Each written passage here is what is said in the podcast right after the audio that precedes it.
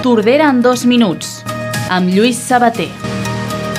Un dia on expliquem que l'Ajuntament aprova congelar les taxes, ordenances i preus públics per al 2023, ho explicava la regidora d'Hisenda, Jennifer Jansa. Portem a aprovació les ordenances fiscals pel 2023, en les que continuem amb el nostre compromís amb les persones i els negocis del nostre municipi. Som conscients de la situació de crisi que estem vivint i, malgrat la inflació actual, mantenim la congelació d'impostos. No fem cap pujada de cap tipus impositiu ni de taxes alleugerant així la càrrega fiscal.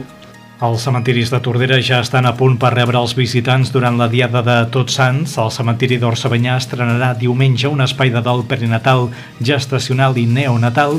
Ho explicava la presidenta de l'Associació Cultural Continuum del Montnegre, Montse Freixas.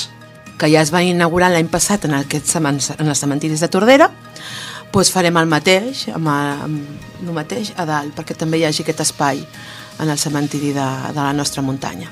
I Pere Cot porta aquest cap de setmana a l'escenari del Teatre Clavé l'obra Conseqüències de la Guerra. Es podrà veure dues actuacions dissabte i diumenge a les 7 de la tarda.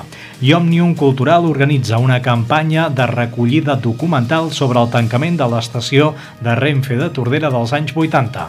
La Montse de Diego és la portaveu aquí a Tordera.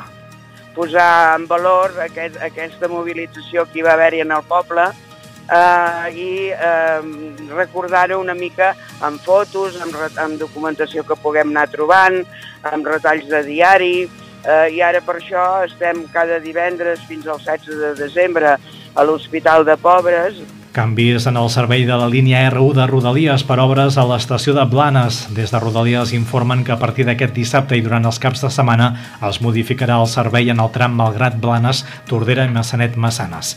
Aquest dissabte es realitza una nova sessió d'iniciació a la marxa nòrdica i aquest cap de setmana tenim derbi de futbol sala i el Club Futbol Tordera juga a casa. Els sèniors del CEP Tordera descansen i el partit del primer equip del Club Petit Tordera s'ha canviat de dia. Tordera en dos minuts, un podcast dels serveis informatius de Ràdio Tordera disponible a la web i a les principals plataformes.